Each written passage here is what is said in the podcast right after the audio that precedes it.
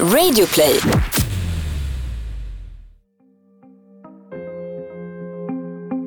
De stora nyhetshändelserna påverkar alla svenskar.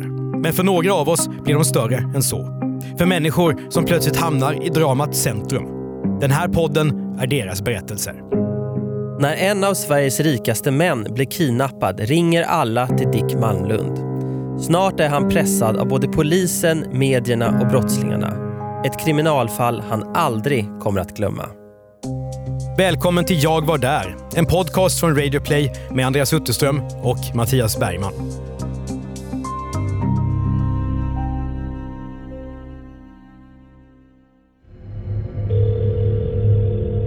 Ja, då ringer en journalist och frågar om Fabian Bengtssons kidnappning, vilket jag då inte hade nys om när han ringde.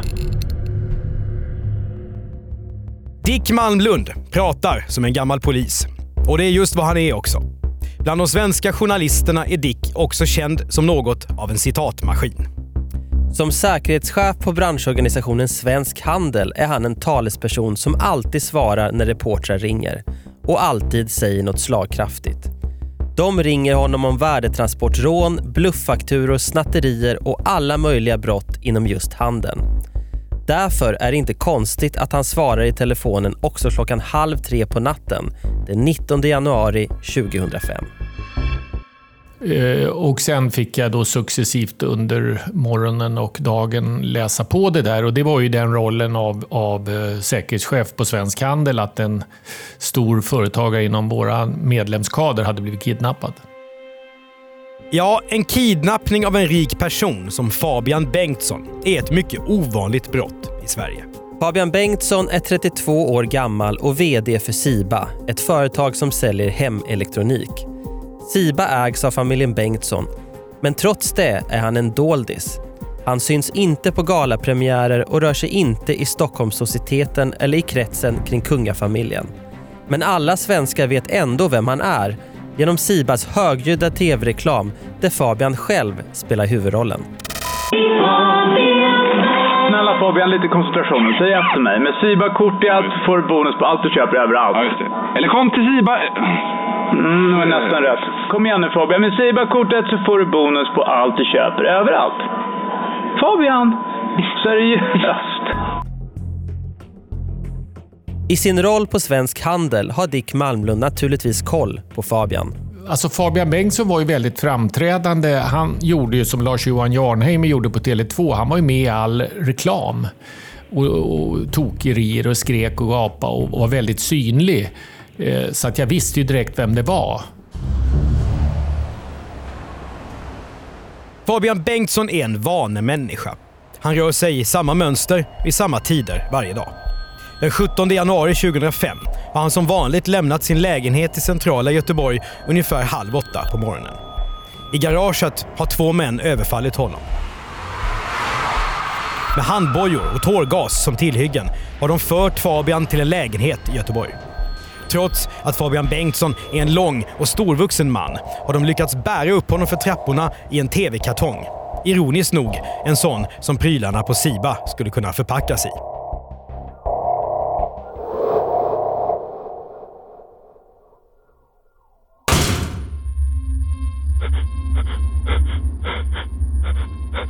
I lägenheten låses Fabian in i en annan, mer avancerad låda som en av kidnapparna specialbyggt.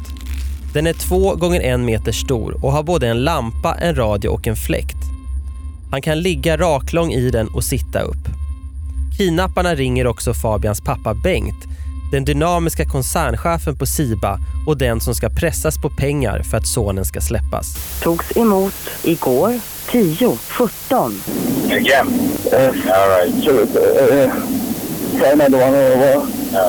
good. När Bengt Bengtsson hör meddelandet förstår han genast att någonting är väldigt fel. Sonen låter rädd och har heller inte dykt upp på jobbet som han brukar. Ingen vet var han är. Bengt Bengtsson anmäler sin son försvunnen. Polisen tar ärendet på största allvar. Erfarna förhandlingsexperter från både Stockholm och brittiska Scotland Yard kommer nu till Göteborg.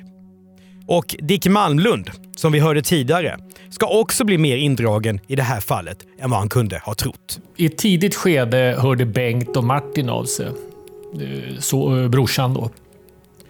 Ja, mitt uppdrag gick ut på att, att jobba parallellt med polisen. Att försöka på andra vägar komma närmare sanningen. Att Bengt Bengtsson kontaktar just Dick Malmlund är inte så märkligt som det kan låta. För vid sidan av sitt uppdrag på Svensk Handel är Dick också säkerhetskonsult. Han hjälper stora svenska företag att rigga sin trygghet. Han är också ansvarig för personskyddet för några av Sveriges rikaste familjer. Men Dick Malmlund är ingen skrivbordshjälte. Som före detta polis gillar han att vara ute på fältet och har till och med själv förhandlat med mc-gäng när han har behövt för någon kunds räkning. Nu förstår han att det här kommer att bli en intensiv period. I lägenheten, som ligger i stadsdelen Gårda i Göteborg, befinner sig de två kidnapparna. Huvudmannen Darko och medhjälparen Lirim med sin fånge. I kvarteret bor det mest narkomaner och arbetslösa. Darkos etta är i ett miserabelt skick. Men trots det våldsamma överfallet i garaget är han ganska snäll mot sitt offer. Fabian Bengtsson får Billys panpizza att äta och Paolo Coelhos roman Alkemisten att läsa. Dessutom får han in en TV i lådan och några korsordstidningar. Darko försöker lugna Fabian. Det är inte så att vi är mördare eller någonting, säger han. Mindre än en kilometer därifrån har Dick Malmlund nu sitt första möte i SIBA-uppdraget. Han känner väl till familjen Bengtsson som han nu träffar. Nej, men han var en eh, modern företagsledare, gick på kurser i säkerhet och liksom... Ja, han var ju mm, vardagsföretagsledare, satt inte på någon hög pedestal utan var med i verkligheten. Men han var, han var ju rätt orädd och egentligen är det skönt.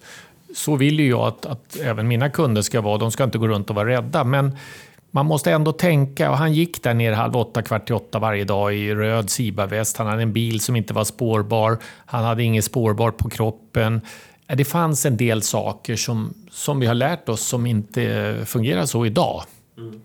Så att eh, det var väl lite naivt samtidigt som det sker så väldigt sällan och människor skulle få inskränka sin frihet så otroligt mycket för att vara mm, bättre i det här. Men, men det finns vissa saker man kan göra. Då sa de så här att vi vill köra det här mötet med dig själv och sen drog de och sa då att vi vill sätta in allt. Lite fick jag uppfattningen att de inte tyckte att det, polisens jobb gick tillräckligt effektivt och snabbt fram. Det kan ju bottna i att de inte hade insyn i polisens arbete. Eh, och att de är vana att ha fullständig kontroll som företagsledare. Bengt var en mycket driven företagsledare. Det han sa till om det skulle göras så snabbt. Så det tror jag var lite bakgrunden till. Jag tror inte att det var verkligheten att polisen inte gjorde vad de skulle. Dick måste trampa rätt här. Han ska agera privat utredare, alltså försöka lösa brottet för familjens räkning. Dick Malmlund är privatperson och kan inte gripa några gärningsmän. Om han skulle få fram uppgifter som kan leda till Fabian Bengtsson eller till kidnapparna måste han lämna dem till polisen. En polismakt som inte är van vid privata utredare och som inte nödvändigtvis är särskilt förtjust i dem heller. Nej, eh, och av det skälet att jag är gammal polis och fortfarande har ett stort polishjärta så ringde jag eh, Sven Albin direkt som var spaningschef där nere och eh, pratade med honom och sa vad jag hade fått för uppdrag av familjen. Och det var helt grönt från hans sida för jag sa det, allt vi får fram eh, kommer jag att informera dig om. Däremot om det blir aktuellt med att spela en konflikt i media så gör vi det. Alltså, jag, jag vet inte. Jag tror inte Sven gjorde vågen. Nu är det en kompetent eh, polis. så Jag tror att han innerst inne ändå eh, tänkte att, att eh, jag hade omdöme nog och även Tommy hade omdöme nog att inte förstöra deras arbete. Tommy, det är Tommy Lindström, också före detta polis. Dick Malmlund tar hjälp av honom i sin utredning. Men Lindström är inte vem som helst. När han var chef för Rikskriminalen ryktades det om att han hade tjänstepistolen nerstucken kring anklarna i sina cowboystövlar. Lindström förlorade sitt chefsjobb när han blev dömd för grov förskingring. Men han är lös och ledig, precis som Dick Malmlund. Och nu ska han bli en pålitlig partner. Nej, men jag kan säga det att, att Tommy är en, en arbetsnarkoman och är en jägare av samma typ som jag var inom polisen och som jag har varit efter polisen. Jag vet att han, och jag vet hans bedrägeri, jag känner till det. Eh, det var inte för att sko sig själv, utan det var för att genomföra saker som polisen inte var mogna då, men är idag. Så att, eh, nej, jag hade inga problem med det, utan jag tycker att det var den mest lämpade utanför polisen att använda. Fabian Bengtsson har varit borta i tre dygn. Dick Malmlund har nu några mycket intensiva arbetsdagar och arbetsnätter framför sig. Alltså jag är i Göteborg och eh, jag åker hem, jag är två, tre dagar, åker hem några timmar och ner igen. Så jag var ju i princip där. Det var ju lite Dr Jekyll och Mr Hyde där man... Det var jättelite sova, det var stressigt, det var eh, två roller som, som tog liksom hela allt man hade. Det var kämpigt. Polisen tror inte att Fabian Bengtsson har tagits till fånga av någon av de ökända kriminella grupperna i Göteborg, som Original Gangsters eller Naserligan. Att lyckas med den här typen av kidnappningar är svårt och det vet organiserade brottslingar. De handlar hellre med knark. Samtidigt får polisen in massor av tips. Vissa är av tveksam kvalitet. Någon tror att kidnappningen har koppling till mordet på Olof Palme någon annan spekulerar i att Fabians försvinnande har ett samband med färjan Estonias förlisning. Dick Malmlund är i full gång i sin utredning. Med hjälp av Tommy Lindströms gigantiska kontaktnät når de fram till personer i den undre världen med frågan “Vet du något?” För en lekman är det svårt att förstå varför skurkar vill prata med gamla poliser. Men i verkligheten ser det annorlunda ut. Ja, man träffar ju de här. Eh, han var ju ute på sitt håll och jag var på mitt håll och luskade. Så att han hade ju möten och han ringde samtal. Och, och det var ju det att för att kunna göra det här snabbt så var man ju tvungen att vara på plats. Det innebar ju inte att man hade liksom en almanacka med möte utan man ringde och ringde och ringde. Och så sa någon, ja men en timme kan jag. Erbjöd ni pengar eller vad de för incitament att prata? Det var ju för att de ville inte prata med polisen. Men det är ju så i den där världen att de, uh, antingen för att det är för stökigt, eller för att de vill känna sig viktiga i sådana här situationer så säger de att de har hört någon. Och det är dålig information och bra information. Det, det varierar. Samtidigt letar Dick Malmlund i alla väderstreck. Fabians liv, hur hade det varit? Och eh, det har ju i den här utredningen har ju det framkommit olika saker då där man tänkte, kan det ha med det att göra? Kan det ha med det att göra? Så att eh, det var väl egentligen vår första hemläxa, att fundera över vilka kontaktytor har han haft där det finns möjlighet att det har gått snett. Den information vi fick det var mera ensam eller ett fåtal i, ur den kommande från de länderna där, där gärningsmannen sen kom ifrån. Nu har nyheten om att en förmögen göteborgare förts bort blivit den största storyn i alla medier. Nu är du kändis, säger kidnapparen Darko till Fabian Bengtsson. Han och hans kidnappningsoffer läser tidningarna tillsammans men konstaterar att det finns mängder av fel i artiklarna. De är ju inte kloka, säger Darko om reportrarna. Polisen hittar Fabians bil efter tips, men inga spår efter honom. Enda livstecknet är brev som han har fått skriva till sin sambo och sin pappa. Och nu får familjen och polisen höra kidnapparnas krav. Till föräldrarna skriver Fabian att det ska sättas in en fejkad bilannons i Göteborgs-Posten för att etablera kontakt. Kidnapparen vill också ha 5 miljoner svenska kronor och 5 miljoner euro. Och polisen ska hållas utanför. Annars kan det gå illa för Fabian.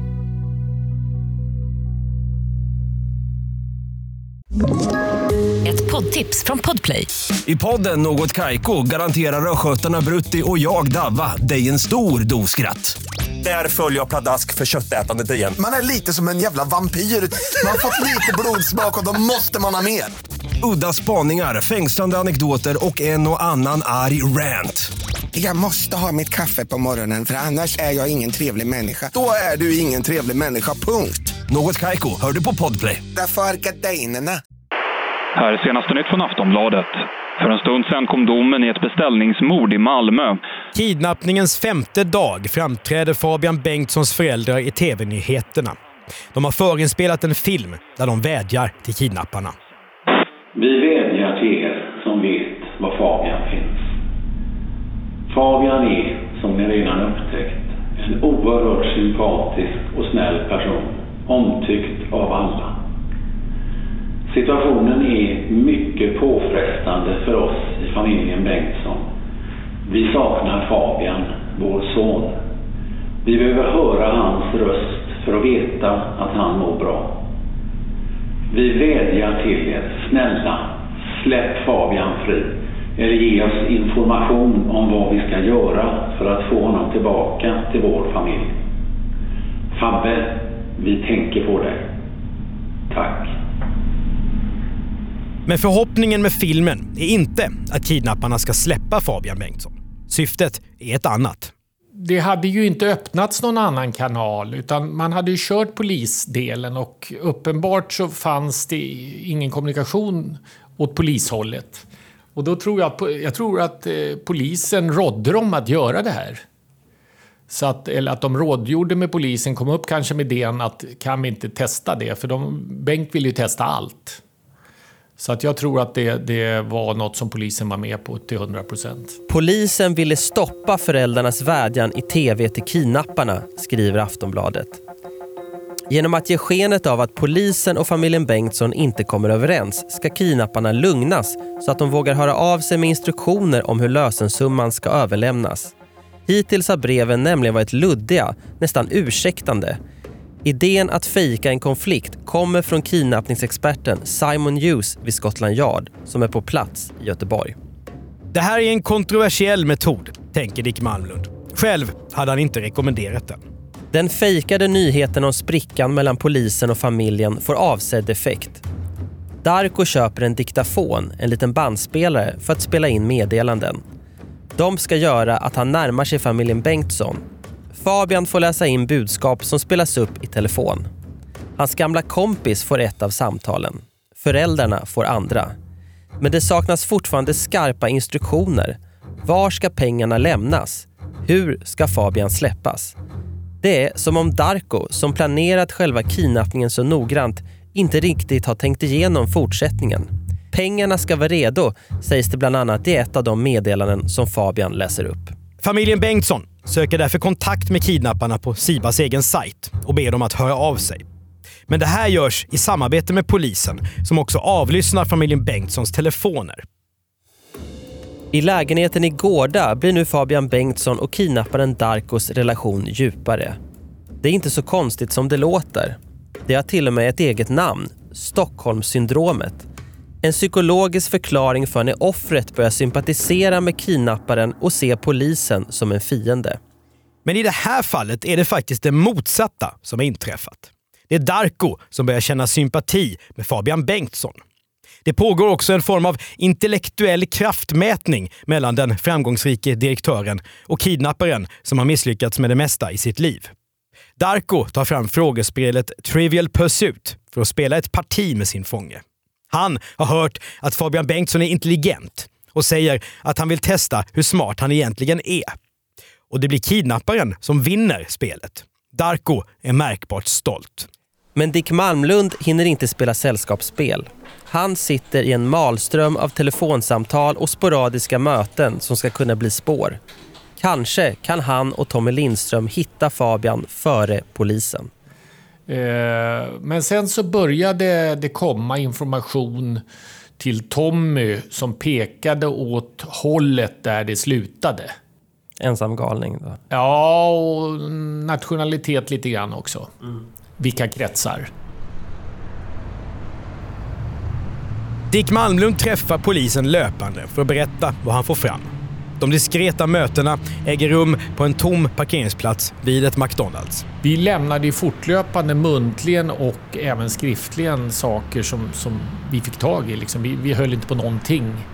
Även om vi var på gång med något så sa vi att eh, vi redovisar det så att de vet. Och skulle de då säga att nej stopp där, vi går åt det hållet, då hade vi fått stanna. Så att vi lämnade halvfärdiga saker som vi skulle göra vidare. Så att vi lämnade, det var fullständigt allt vi kom fram till. Men Dick Malmlund ska inte bara hjälpa till att lösa ett grovt brott, ge familjen Bengtsson stöd och se till att polisen inte störs av hans arbete. Han har samtidigt kvar jobbet som säkerhetschef på Svensk Handel. Reporterna fortsätter att ringa hela tiden, ovetande om att Dick agerar privatspanare under radarn. Och det ställer hårda krav på honom. Ingen konflikt tycker jag. Däremot en svårighet att hålla tungan rätt i mun eftersom jag blev ju jag var i Göteborg mycket och jag blev ju kontaktad eh, där jag sitter vid ett bord och pratar med polisen om ärendet där och eh, ska svara i allmänna ordalag och inte vara för insatt. Och, och, och det gick ju, jag, eftersom jag var väldigt mycket i media på Svensk Handel så blev jag ju igenkänd i Göteborg så jag fick ju göra massa konstigheter för att lyckas. Till exempel? Ja, springa och i bilgarage och gömma och gå in på toaletten och alla möjliga konstiga saker när jag såg att det var någon som tittade för mycket. Det här fallet är ett paradexempel på mediehysteri. Och det är inte alla reportrar som sköter sitt jobb. 95 procent var otroligt... Eh, de, de beskrev verkligheten. 5 procent ljög fullständigt. Men jag kommer ihåg vissa journalister som, som ljög. De fick sanningen, bland annat av mig, och ljög. En reporter kommer till och med att dömas till dagsböter i domstol när dramat är över. I jakten på att slå konkurrenterna och komma över unik information har han nämligen ringt och utgett sig för att vara polis. Dick duckar inte. Nej, jag låter dem ringa och så säga eftersom de hittills inte har kommit, du har inte berättat det som jag har sagt utan du har sagt något annat. Jag till och med sa att det inte var så och du säger tvärtom, då, då tycker jag det är meningslöst att vi pratar, så klippte jag av det. Jag tror att det påverkade både dem och kidnapparna. Så att media har ett jättestort ansvar samtidigt som jag säger att man man måste acceptera media, det är en del av samma. Man kan inte ena stunden säga att de är jättebra att ha, nästa stund ska de inte fara och flyga. Men eh, de måste ta sitt ansvar och det gör de i 95 procent av fallen. De andra är inte bra. Alltså. Den 28 januari har Fabian Bengtsson varit försvunnen i 11 dagar. Det är mycket lång tid för ett sånt här brott. Ju längre tiden går, desto mer pressad riskerar kidnapparen att bli. Och det kan vara livsfarligt för offret. Men sen hände det ju saker hela tiden från eh, kidnapparnas sida som vi fick. Det gick ju saker till familjen och familjen var ju nästan ockuperade. Alltså de var inlåsta i sitt hus så vi var ju tvungna att göra stora arrangemang för att de skulle komma ut och kunna träffa oss utan att media såg det. Familjen Bengtsson får ett nytt meddelande som spelas upp på telefon. Pappa Bengt ska hämta ett brev vid rådjursstatyn i Kungsparken mitt i Göteborg. Men när han läser det får han inga svar. Texten är som vanligt förvirrad. Pengarna ska fram, står det nu igen. Och så ska det sättas in en ny annons i Göteborgs-Posten med telefonnummer dit kidnapparen ska kunna ringa. I brevet är det tydligt att Darko nu har fattat tycke för Fabian Bengtsson. Han skriver i en nästan ursäktande ton. Så här står det bland annat. När allt är över blir vi lyckliga allihopa. Kanske Siba går upp. Folk ska kanske sympatiköpa i massor just hos er i flera år. Vem vet? Jag vet inte vad jag ska säga. De var omtänksamma samtidigt som de var lite röriga. Så uppfattar jag dem. Att det, var, det fanns lite omtanke om Fabian, men också rörigt. Om man nu ska få till en penning, ett penningöverlämnande så, så tycker jag att i delar av det här så var det väldigt upp och ner. Och sen nämndes det personer, eller, ja, personer i breven som, som jag inte riktigt har fått grepp av om polisen har kommit i kontakt med. Varken familjen Bengtsson eller polisen vet vad de ska tro. Till slut lägger familjen ut ett nytt meddelande på Sibas hemsida om att Bengt vill tala med kidnapparna. Ni måste lita på mig, skriver han. Dagen efter ringer Bengt Bengtssons telefon igen. Ännu ett förbandat meddelande spelas upp. Och nu övermannas Bengt, som tidigare varit förvånansvärt lugn och samlad, av rädslan och pressen. Hallå, det är Bengt. Jag älskar dig. Du ska svara på följande frågor. Ja eller nej. Jag kan, jag, kan, jag kan inte ta de här jävla inspelade meddelanden längre. Nu måste, jag, nu måste jag tala med någon där. Det går inte att hålla på så här. Vi blir helt förstörda. Du, jag, måste, jag, måste, jag måste tala med er nu. Du måste tala med dig. Jag måste tala med er. Det går inte att hålla på med dessa inspelade meddelanden. Jag måste tala med dig.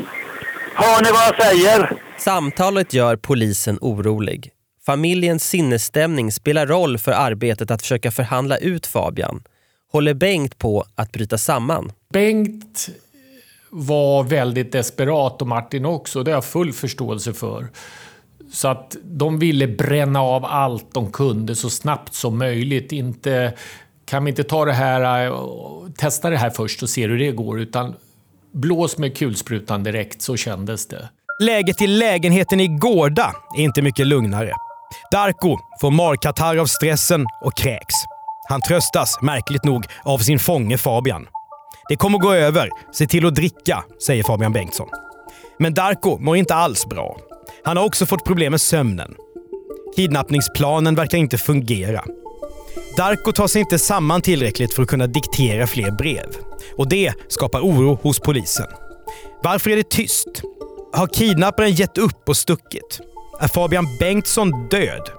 Och i nervkampen mellan den upprivna familjen Bengtsson och den allt mer pressade kidnapparen vinner till slut familjen. Den 3 februari orkar inte Darko längre. Han är helt slutkörd. Dessutom tycker han att Fabian är en fin kille. Det står till och med i ett av breven som han skrivit. Det är dags att sätta punkt. Alltså jag blev mer och mer övertygad med de brev och det som att det här är amatörer. De kommer inte att klara. De, jag menar, de hade ju pengarna. Om de bara hade gjort vad de sa. De skulle ju bara hämta, men de kunde ju inte. Darko och Lirim genomförde kidnappningen tillsammans. Men Darko är huvudmannen. Den som planerat allt och den som också umgåtts dygnet runt med Siba-direktören. Han och Fabian Bengtsson har pratat i timme efter timme, spelat spel, druckit whisky, formulerat brev och skrattat åt mediebevakningen tillsammans. Nu går det inte längre. Darko inser att han måste ge upp. Morgonen den 3 februari får Darko sällskap i lägenheten av Lirim. Tillsammans skruvar de isär och monterar ner lådan. Fabian får tillbaka de kläder han har haft dagen då han kidnappades. Darko har till och med tvättat dem. Fabians ögon och mun tejpas över. Han får papperstussar i öronen och dessutom hörselkåpor. Ingen ser kidnapparna och Fabian när de snabbt går från lägenheten till bilen. Därefter kör de till Slottsskogen, den lummiga parken mitt i stan där göteborgarna älskar att ta en paus. Fabian Bengtsson kliver ur bilen och får tillåtelse att ta bort tejpen för munnen och hörselskydden. Men vad ska hända nu? Ska kidnapparna skjuta honom? Darko säger “Börja gå, du är fri, men se dig inte om”. Fabian tar några steg. Han är på helspänn. Är det nu skottet ska komma? Eller är han verkligen frisläppt? Han hör hur kidnapparna snabbt försvinner men vågar inte vända sig om. Efter en kort stund stannar han en kvinna som kommer joggande emot honom och säger “Ursäkta mig, du måste hjälpa mig. Jag heter Fabian Bengtsson och har varit kidnappad.” Från kvinnans telefon ringer Fabian Bengtsson polisen som är på plats efter tio minuter. Han körs omedelbart till sjukhus för läkarundersökning. Klockan är 7.40 på morgonen och den försvunne direktören är återfunnen. 17 dagar av drama är över för Fabian Bengtsson, för hans familj och polisen för den samlade presskåren och för Dick Malmlund? Nej, jag tänkte bara att det var skönt och eh, jag försökte så snabbt som möjligt få reda på skicket. Liksom, vad, om man var slängd och skadad eller om det var men omtöcknad fick jag bara uppfattningen. Jag avslutade, hade kontakt med familjen och lyssnade så att vi var överens om att det var klart. Och, och, jag sa till Tommy bara att vi, vi får lägga ner vårt och då har vi gjort det vi ska. Och sen så var Bengt och de överens att eh, vi drar ett streck här så är det klart. Men för Darko och Lirim är det inte över. De gömmer sig fortfarande. Varken polisen eller Dick Malmlund är nära eller har några tips som pekar mot dem. Men Fabian Bengtsson är inget vanligt kidnappningsoffer. Få människor har hans sinnesnärvaro. När förhören med Fabian börjar inser polisen snabbt att han har lagt märke till mängder av detaljer trots att han har varit livrädd. Han har mätt ungefär hur långt bilen körde när han rövades bort. Han har räknat trappsteg för att kunna ge tips om på vilken våning i huset han suttit inspärrad. Han har en bild av hur långt det är till närmaste McDonalds dit Darko har kört för att köpa mat. Och Fabian Bengtsson har koll på vilken dag och tidpunkt han har hört i glassbilen. Han har till och med bitit av naglar och rivit av sig hårstrån i lägenheten för att lämna DNA-spår efter sig. Alla detaljer som Fabian berättat hjälper polisen att ringa in rätt lägenhet i Gårda. När Darko grips sju dagar efter att Fabian Bengtsson släpps fri är han närmast apatisk. Han kissar på sig vid gripandet och verkar nästan lättad. Lirim grips i Köpenhamn trots att Darko håller tyst om honom. Och nu får familjen Bengtsson, Dick Malmlund, medierna och resten av svenskarna en tydligare bild av de två kidnapparna. Darko Sokasic är 43 år gammal och hankar sig fram på svartjobb utan att ha tillstånd att vara i Sverige. Det mesta i livet har gått honom emot och han bestämmer sig för att genomföra en kidnappning och använda pengarna för att starta ett nytt liv. Att det blir just Fabian Bengtsson beror på att Darko sett honom i tv-reklamen. Han har också irriterat sig på att Siba, till skillnad från andra svenska företag, inte skänkt pengar till tsunamens offer i samband med en tv-gala. Medhjälparen, den 24-årige Lirim Seferi, har Darko lärt känna på en krog i Göteborg.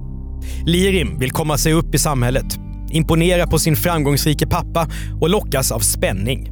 Han är väldigt tagen av Darko och tackar ja när han behöver hjälp.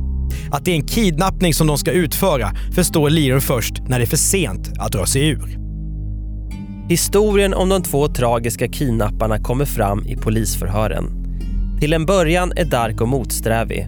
Han lägger korten på bordet först efter att förhörsledaren Mats Antonsson har vunnit över honom i schack. Lirim stretar också emot men bryter sen ihop och erkänner allt.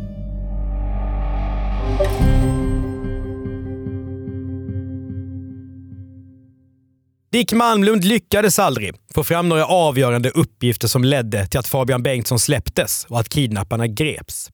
Men det betyder inte att han tycker att privata utredningar är meningslösa. Tvärtom. Jag tror ingen tycker att vi gjorde det svårare, för det tror jag inte det finns en enda detalj i det som... Jag skulle gärna, om jag hade varit i Fabians sätt att ha en sån som Tommy Lindström eh, ute och göra parallellt, det skulle jag gärna. Inte idag kanske, för idag har Tommy mindre kontakter, men en motsvarande person som gör allt för att hitta mig, det, det, skulle jag tycka var bra. Jag tror att man ska köra det generellt, polis och privat. Mm. Man jobbar på helt olika sätt. Eh, polisen är ju naturligtvis mån om att hitta, men är mycket fixerad på gärningsman. Eh, privata sidan är bara ute för att hitta personen. I juli 2005 döms Darko till 10 års fängelse och Lirim till 6 i Göteborgs tingsrätt. En tredje man döms till två år. Han har inte med kidnappningen att göra överhuvudtaget men har försökt lura till sig pengar genom att ringa aggressiva telefonsamtal till Bengt Bengtsson och utge sig för att vara kidnappare. Göteborgs tingsrätt skriver i sin dom att fallet saknar motstycke i svensk rättshistoria och är ett angrepp på det öppna svenska samhället. Fabian Bengtsson fortsätter att synas i Sibas reklamfilmer. Han arbetar än idag med familjens bolag, men inte som VD. I en intervju i Dagens Industri säger han Jag utsattes för ett brott, men handlingarna var aldrig riktade mot mig, Fabian Bengtsson som person. Det ger mig viss distans till det jag varit med om. Kidnappningar av rika människor är fortfarande ovanligt i Sverige. De senaste 20 åren är det bara Fabian Bengtsson, Erik Westerberg och en student i Uppsala som råkat ut för den här smärtsamma upplevelsen. Men Dick Malmlund tror att det kan bli ändring på den saken. När svenskarna använder allt mindre fysiska sedlar och mynt kommer brottslingarna att ställa om sig efter den digitala tidsåldern och ändra taktik. Där har vi nog ett mörkertal som är betydligt större än på de traditionella kidnappningarna. Nej, men vi kommer att få mer av tigerkidnappning eller tigerkidnapping. Och det är ju egentligen att man tar en person som har en behörighet eller som sitter på nycklar till något ställe där man kan få ut pengar eller värdeföremål. Och det kommer vi få mer av därför att det finns mindre pengar i samhället. När dom har fallit är historien slut. Men inte för Dick Malmlund. Han har fortfarande en liten sten i skon när det gäller fallet Fabian Bengtsson.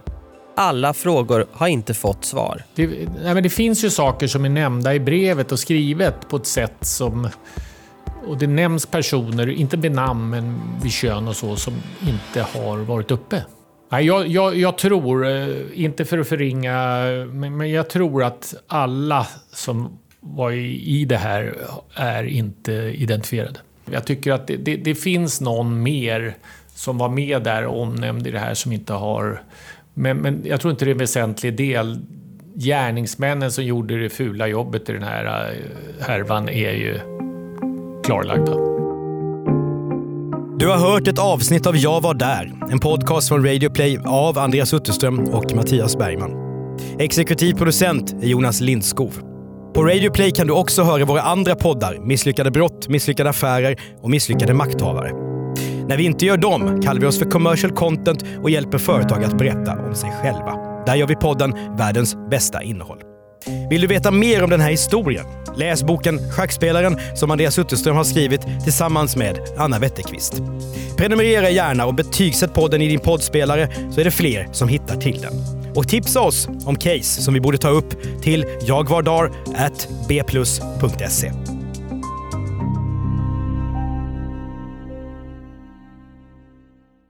you poddtips från Podplay. I podden Något Kaiko garanterar östgötarna Brutti och jag, Davva, dig en stor dos skratt.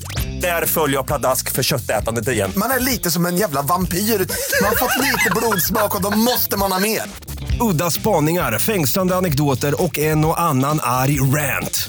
Jag måste ha mitt kaffe på morgonen för annars är jag ingen trevlig människa. Då är du ingen trevlig människa, punkt. Något Kaiko, hör du på Podplay. Därför är gardinerna.